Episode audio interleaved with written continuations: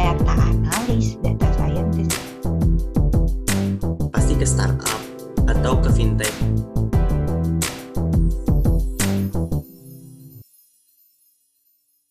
Halo semua, selamat datang di Curiosity Podcast, a place where we talk about finance, digital world, and self-development. Bareng gue Arum. Bareng gue Givari. Dan gue Ajrin. And today's topic is karir di dunia digital. Kerja, wow, kerja, wow, kerja. wow, wow. Apa kabar dulu nih? Udah langsung, langsung bahas-bahas topik aja. Apa kabar, Rum? Ya gitu sih. FYI atau TMI ya, ini sekarang jam berapa? Jam 23.53.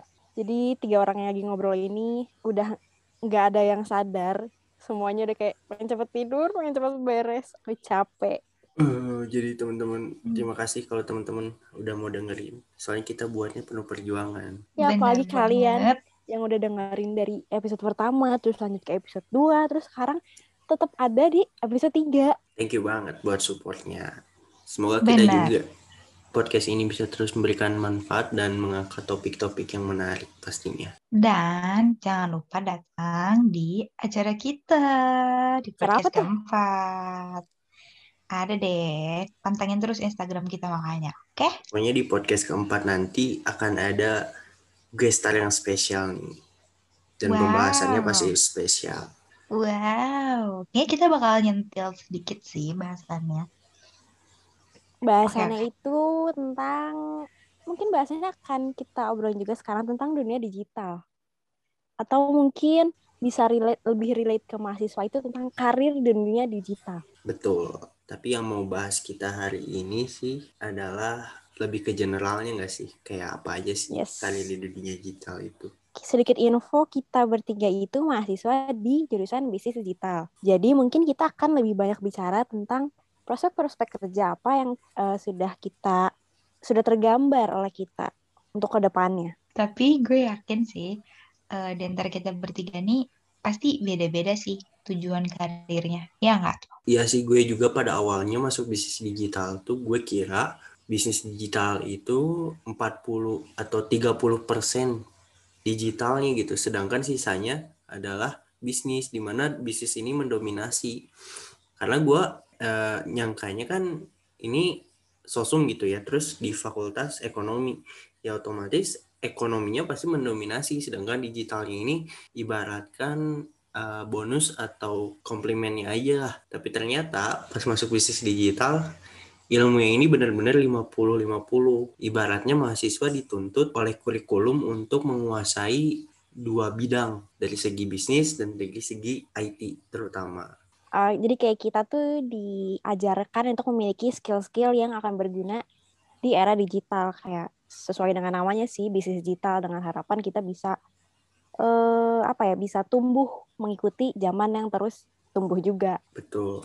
Kalau dari Ajri nih selama 4 semester kuliah udah ada jenis pekerjaan apa aja sih yang kayak oh ini tuh di dunia digital tuh ternyata pekerjaannya ada yang begini-begini. Waktu dulu sebelum masuk eh, bisnis digital, tahunya kerjaan tuh kayak manajer, direktur, sekretaris, ya kan? Manajer udah dong Tapi berarti ya. ternyata, iya udah tahu dulu. Tapi pas sudah masuk bisnis digital, terus kayak ada kerjaan namanya UI UX designer. Hah, apaan tuh kan ya? Ada namanya content writer, data analis, data scientist itu kan asing banget gitu buat gue untuk tahu sebelumnya kayak apaan sih itu kayak gitu sih. Iya sih setuju banget. Terutama gue sendiri yang masuk bisnis digital ini dengan basic IT itu yang bisa dibilang gue nol banget nih.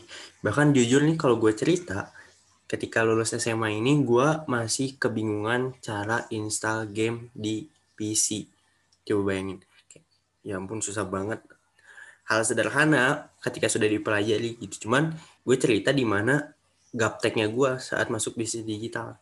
Dan di semester pertama, gue inget banget kaprodi kita waktu itu, Pak Sunu, dia cerita kalau prospek pekerjaan di jurusan ini tuh adalah di dunia digital, misalnya data scientist, lalu ada data engineer, data analis juga, pokoknya berhubungan dengan data lah atau enggak web developer, UI UX designer, di mana itu berhubungan semua dengan IT gitu, bersinggungan. Terus gue cari nih prospek bis- eh, mahasiswa bisnis digital di dunia pekerjaan yang tidak menyentuh IT.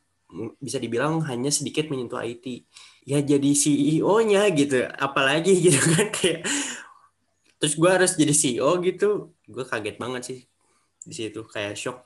Gue masuk sini gue jadi apa nanti ya? Kalau misalnya ibaratnya kita nggak punya pilihan lain lah selain bekerja di bidang yang sesuai sama jurusan. Kalau gue sih gitu karena menurut gue, gue gimana? menurut gue sih gini gitu kita kan maju ke depan nih. Gue yakin di masa depan tuh Masa uh, maju ke kerjaan kerjaan tuh belakang. bakal eh, lucu sih bapak. bener sih nggak salah sih. Oke back to the topic. Kalau di kerjaan di nih let's say lima tahun ke depan. Gue yakin kerjaan di lima tahun ke depan tuh bakal evolving jadi lebih digital. Pasti mereka semua tuh didigitalisasi gitu kerjaannya. Jadi rasa rasanya nih kita nih lulusan bisnis digital mau kerja di mana pun tuh pasti ada aja nih yang membutuhkan. Karena bisa dibilang lulusannya pun belum banyak kan. Kayak contohnya dari hal terkecil sih, mungkin kayak mungkin dulu sosial media atau mungkin setahun ke belakang, dua tahun ke belakang kita merasa sosial media sekadar buat kita main, buat kita berhubung sama hubungan sama orang, tapi ternyata itu tuh bisa jadi apa ya salah satu adang pekerjaan. Karena sekarang sosial media pun digunakan oleh banyak orang. Makanya sampai ada orang yang bekerja khusus untuk menyelidiki atau mencari tahu lebih dalam tentang gimana sih cara orang-orang eh, bermain di dalam sosial media tersebut. Bagaimana cara untuk meningkatkan biar orang-orang lebih banyak lagi bermain karena kan sekarang sosial media digunakan dan- oleh sangat banyak orang untuk berusaha juga kan kayak apa ya mungkin ada online shop atau influencer ya influencer ada copywriter ya copywriter juga bahkan dibutuhkan di dalam di dalam sosial media juga Iya, tapi kalian udah ada bayangan belum sih bakalan ke mana arah karirnya? Soalnya nih, waktu semester berapa ya? Semester 2 gitu. Semester 2 tuh gue baru tahu ternyata lulusan di bisnis digital tuh ada tiga main goal. Yang pertama itu jadi data scientist atau data analis. Yang kedua itu di startup. Yang ketiga itu di fintech. Gue baru tahu ini semester 2. Semester 1 kayak, ah apa nih? Aku tersesat. Nah, bahkan gua sendiri pun baru tahunya itu bukan di semester 2, tapi di semester sekarang. Gua baru denger dari Ajlin. Mantap. setahun kemudian Betul Satu banget. tahun kemudian. Mm-mm. nggak apa-apa yang penting tahu Yang penting tahu sih. Benar. Benar-benar. Nih, gimana nih? Ke mana? Ke arah mana nih? Udah ada gambaran kah? Atau belum? Siapa dulu nih? Gue dulu dari- atau Adian Puspita Arumsari dulu? Dari Eh, yang paling untuk- ganteng dulu lah. oke yang paling ganteng Oke, nggak usah menjilat gitu ya teman-teman. Oke, kalau gue sendiri sih gue bayangannya pasti ke startup atau ke fintech karena gue sendiri suka dengan eh, perhitungan keuangan kalau gue pribadi dan gue seneng managing people. Jadi daripada gue misalnya ke ke bidang data, ini gue ke bagian yang gue suka ke startup atau ke bagian fintech bagian fintech juga tentunya bukan di bagian IT-nya sih. Kalau gue sih gitu. Gimana kalau Mbak Adian Puspita Arumsari?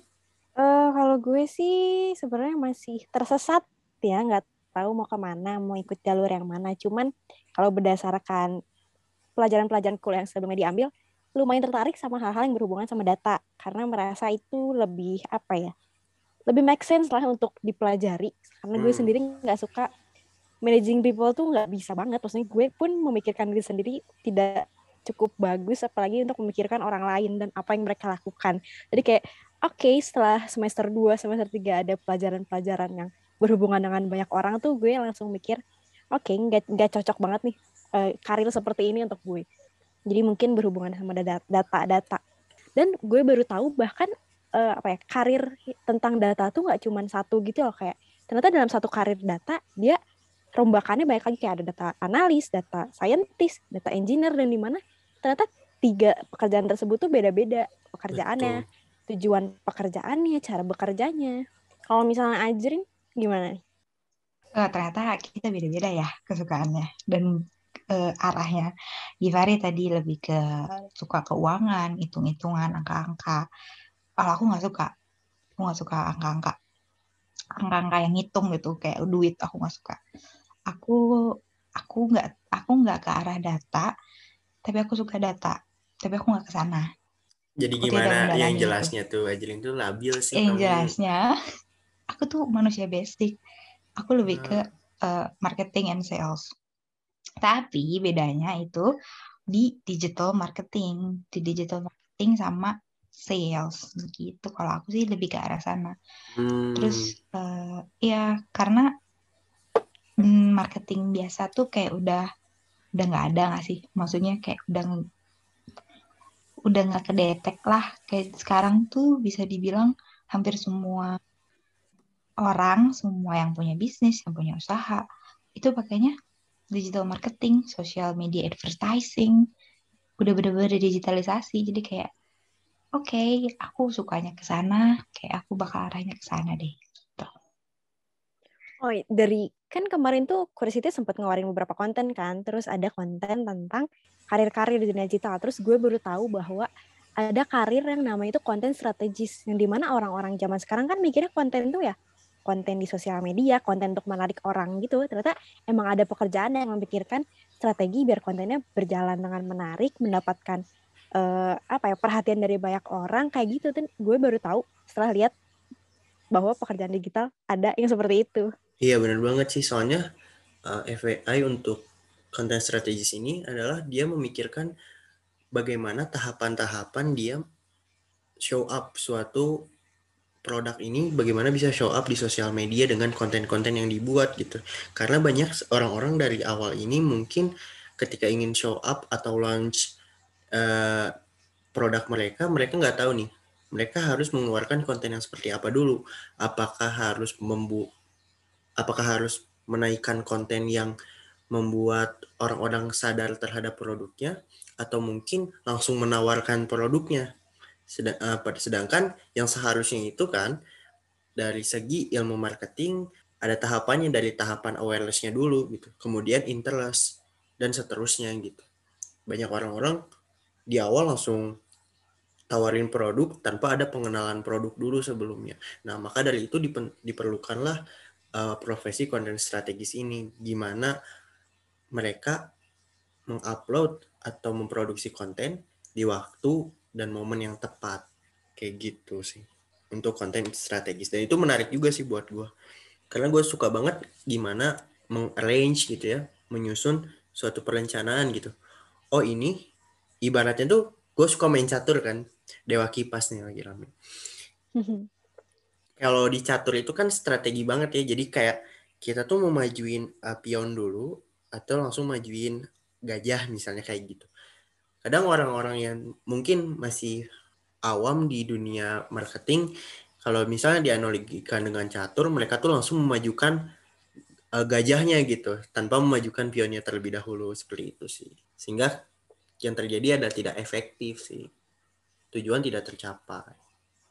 Nah nih ya tapi berhubungan dengan konten strategis dan bidang tadi marketing digital marketing mereka itu nggak bisa jalan tanpa adanya konten creator itu sendiri. Karena konten ini kan biasanya dalam bentuk visual kan. Seperti video dan gambar. Nah, video ini kan pastinya nih yang lagi melesit karirnya ini adalah video grafer, video editor. Dan sekarang nih biasanya videografer ini langsung merangkap sebagai video editor juga. Jadi mereka sebagai video producer yang mana menyediakan jasa untuk memberikan konten-konten video nih kepada company atau misalnya uh, video produk atau foto produk. Selain itu juga dari segi gambar biasanya nih yang sedang naik ini adalah karir di graphic designer sih. Graphic designer ini banyak dapat freelance di mana mereka dapat project dalam satu bulan harus memposting 10 postingan per hari misalnya dalam satu company. Dan itu proyeknya bernilainya biasanya besar. Terutama kalau misalnya si perusahaan ini sudah memiliki produk yang terkenal. Kayak gitu sih untuk di bidang konten. Terus sekarang tuh banyak banget eh, perusahaan-perusahaan atau nggak startup startup yang nyediain jasa tuh banyak banget yang udah mulai aware soal yang lo bilang gitu kayak uh, graphic designer, foto editor, foto produk, videografer dan lain-lain. Terus yang temuan gue nih di perusahaan-perusahaan itu ternyata mereka nggak cuma concern soal marketingnya kayak di social media manager dan lain-lain atau soal visualnya di graphic designer atau videografer gitu. Tapi mereka juga concern di uh, sasarannya itu misalnya di web developingnya atau di user interface-nya. Ya, itu mulai bener -bener. banyak, iya mulai banyak banget perusahaan-perusahaan atau startup-startup penyedia jasa yang udah mulai nyediain tuh jasa-jasa kayak gitu. Padahal kan kalau dipikir sumber dayanya tuh belum banyak gitu yang bisa di kayak wow gitu. Sumber dayanya, sumber dayanya belum banyak, tapi demandnya banyak banget karena mereka mengutamakan dengan menggunakan apa ya UI eh, UX developer itu biar penggunanya makin nyaman kan dalam menggunakan website mereka atau aplikasi mereka. Jadi kayak karena mereka mengutamakan pelanggan, jadi kayak mereka membutuhkan tampilan yang lebih bagus lah, makanya mereka menggayat UI atau UX designer. Iya sih. Baru aja kemarin kita nih waktu pelajaran mata kuliah pemasaran digital. Kemarin dijelasin kalau kenapa sih suatu e-commerce atau suatu company ini perlu adanya website. Karena ini penting banget ternyata untuk membangun trust dan sense of keprofesionalitas. Hmm, hmm, sense of personality ah sense of profesionalitasnya gitu. Belibet ya pak. Udah malam bu nah kalau itu kan di Instagram ya nah biasanya kan kalau misalnya startup startup yang muncul sekarang tuh kan ada di aplikasi dan pastinya punya website sendiri nah tadi udah disinggung juga nih sama Arum. Perusahaan ini banyak mencari namanya UI dan UX designer gitu. Jadi bukan pakai graphic designer lagi nih, mereka pakai UI UX designer nih. Apa itu UI UX designer tuh? Ada yang mau jelasin nggak nih buat teman-teman Curiosity?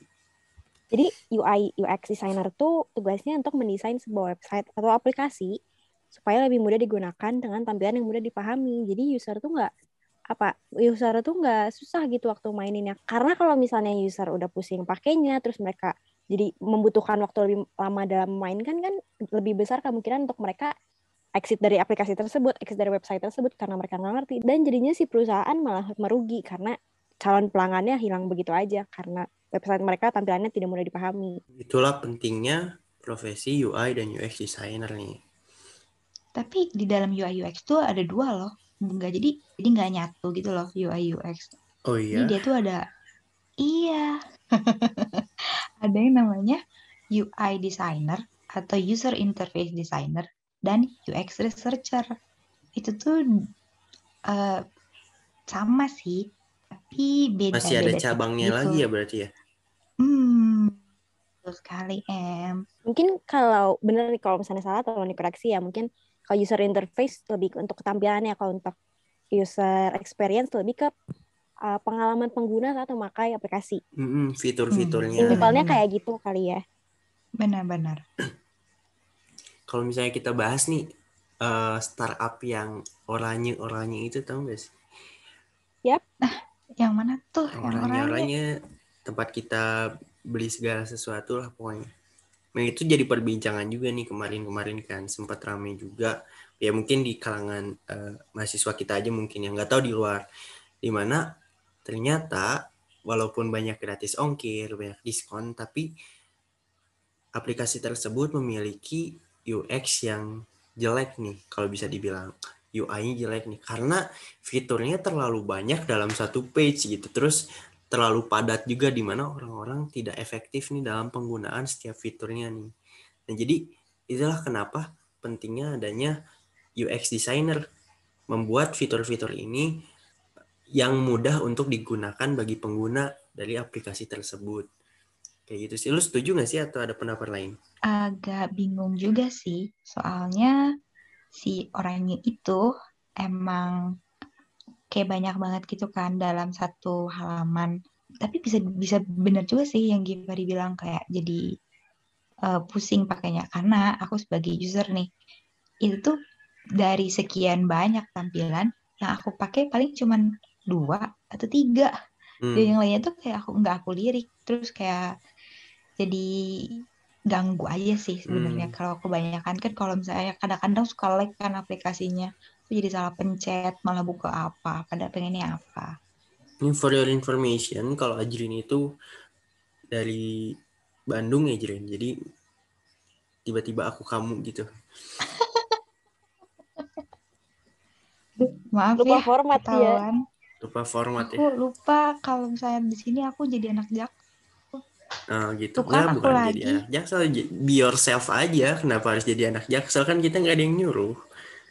Oh iya maaf ya Mm-mm. kak ya maaf ya aku aku masih anak baru ini lagi di ospek Just the way you are aja. Kayak Bruno Mars ya Oke. Balik ke karir digital. Gimana kalau Arum?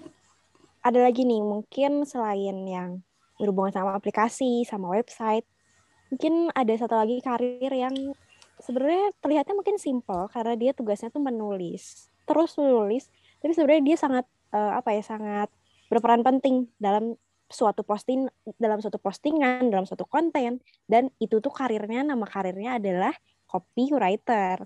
Hmm, pasti teman-teman kuliah udah banyak yang denger nih tentang copywriter. Nah, apa sih yang membedakan copywriter dengan writer aja atau penulis aja? Umumnya tuh peran dari seorang copywriter tuh untuk mempro- mempromosikan sebuah produk atau jasa. Dan tulisan-tulisan mereka tuh bertanggung jawab akan citra sebuah perusahaan. Jadi mereka tuh dituntut untuk membuat tulisan yang sifatnya persuasif yang mengajak orang-orang untuk mari kita klik website ini, ayo beli produk ini atau Mari, mari, Ayo. mari. iya pokoknya isinya mari mari mari isinya tuh ngajak-ngajak terus gitu. Ya sih setuju banget karena copywriter ini walaupun dilihatnya simpel tapi ternyata perlu keahlian khusus nih dan juga perlu nalar yang baik nih dalam menulis karena gue belajar juga nih tentang copywriting. Eh, karena kan gue senang juga nih nulis konten berbentuk tulisan. Iyalah nulis konten pasti berbentuk tulisan ya. Oke lanjut. Nah dalam penulisan copywriting ini itu ada banyak bagiannya. Misalnya ketika kita ingin men-sell sesuatu kita tuh jangan langsung menawarkan produknya tapi fokus dulu kepada masalah. Makanya kadang kalau misalnya di caption-caption Instagram atau Facebook atau e-commerce yang lain pasti tulisannya eh, fokus kepada problem dulu yang sasaran pasar kita rasakan misalnya kita ini anggaplah mungkin kita punya produk jasa bimbingan private online gitu. Maka di copywriting-nya itu di awalnya tuh pasti pertanyaan dulu misalnya Anda merasa susah belajar, Anda butuh mentor untuk belajar, Anda tidak bisa belajar secara mandiri. Nah, itu kan langsung fokus kepada problemnya. Selain itu, setelah ditanyakan itu divalidasi dulu tuh si problem yang mereka rasakan misalnya. Nah, hal itu akan menyulitkan kamu nih dalam belajar jika kamu tidak memiliki mentor. Nah, itu diperpanjang tuh di situ gimana sih dampak negatif kita buat sisi ketakutan yang akan dirasakan oleh sasaran target pasar kita ini jika tidak menggunakan produk yang kita miliki. Nah, setelah itu baru kita tawarin produk kita. Kayak gitu sih. Itu beberapa aspek dari copywriting sendiri di mana menunjukkan bahwa copywriting ini cuman bukan cuman menulis caption gitu. Tapi juga banyak hal lainnya dan itu juga luas banget nih kayak gitu. Dan dia butuh ini kreasi apa ya? Sisi kreatif dan imajinatif. betul. Tapi karena kan tujuannya itu untuk menarik orang dan kadang kebanyakan orang tuh nggak tahan untuk membaca terlalu banyak. Makanya dia harus bisa menulis yang ringkas, padat dan jelas. Dan gaya bahasanya tuh harus berbeda dan menarik. Biar sasarannya tuh langsung kayak oke gue mau nih klik Instagram ini, oke gue mau nih swipe eh, swipe up si akun ini kayak gitu. Iya benar banget. Nah, jadi gimana nih, Jirin, lu, lu mau kerja apa nanti? Lu pengen punya karir yang kayak gimana nih? Lulus dari bisnis digital itu mau jadi apa? Gue dulu kali yang jawab ya. Gue yang pertama nunggu lulus dulu aja sih. Let it flow. Alias gue nggak tahu sekarang mau ngapain. yang penting kerjain tugas yang bener, absen, jangan lupa absen. Nah, teman-teman Unpad yang dengar ini jangan lupa absen ya guys. Apalagi kalau kalau kalian absennya nggak dipacis, di link. Awas nih. Bukan cuma buat teman-teman Unpad doang sih, buat teman-teman pelajar baik dari SD sampai SMA sampai kuliah gitu. Sampai yang kerja juga masih absen loh. PS2. Oh iya, Mm-mm. Benar-benar. Apalagi nih, teman-teman Curiosity nih ternyata dilihat-lihat itu masih pada sekolah ya. Hmm. Masih pada sekolah dan ada yang baru-baru masuk kuliah, masih pada muda-muda. Yang Hmm. angkatan-angkatan tua nih, kayak Givari, Mm-mm. Arum. Kalau gue kan emang masih anak-anak gitu. Yain aja muda. dah. Emang Eh, lu kayak paling gitu. cute, lu paling cute. Hey cantik, kamu nggak boleh gitu. Eh, kalau misalnya, kalau misalnya gue, kayaknya tadi sih kayak yang tadi udah bilang kayaknya bakal ke arah marketing and sales. Tapi belum tahu sih ke pastinya tuh ke mana. Mhm. Nah, ini juga mungkin podcast kali ini semoga bisa memberikan gambaran sedikit lah, walaupun sebenarnya kita ngomong dari tadi agak tidak terstruktur ya. Cuman buat teman-teman yang dengar semoga bisa ngambil manfaat dan informasi dari obrolan kita ini. Obrolan yang sebentar, tapi semoga ada manfaatnya. Oke nih kayaknya untuk episode kali ini kita sudahi dulu ya. Tapi ada satu pengumuman penting apa nih Jrin?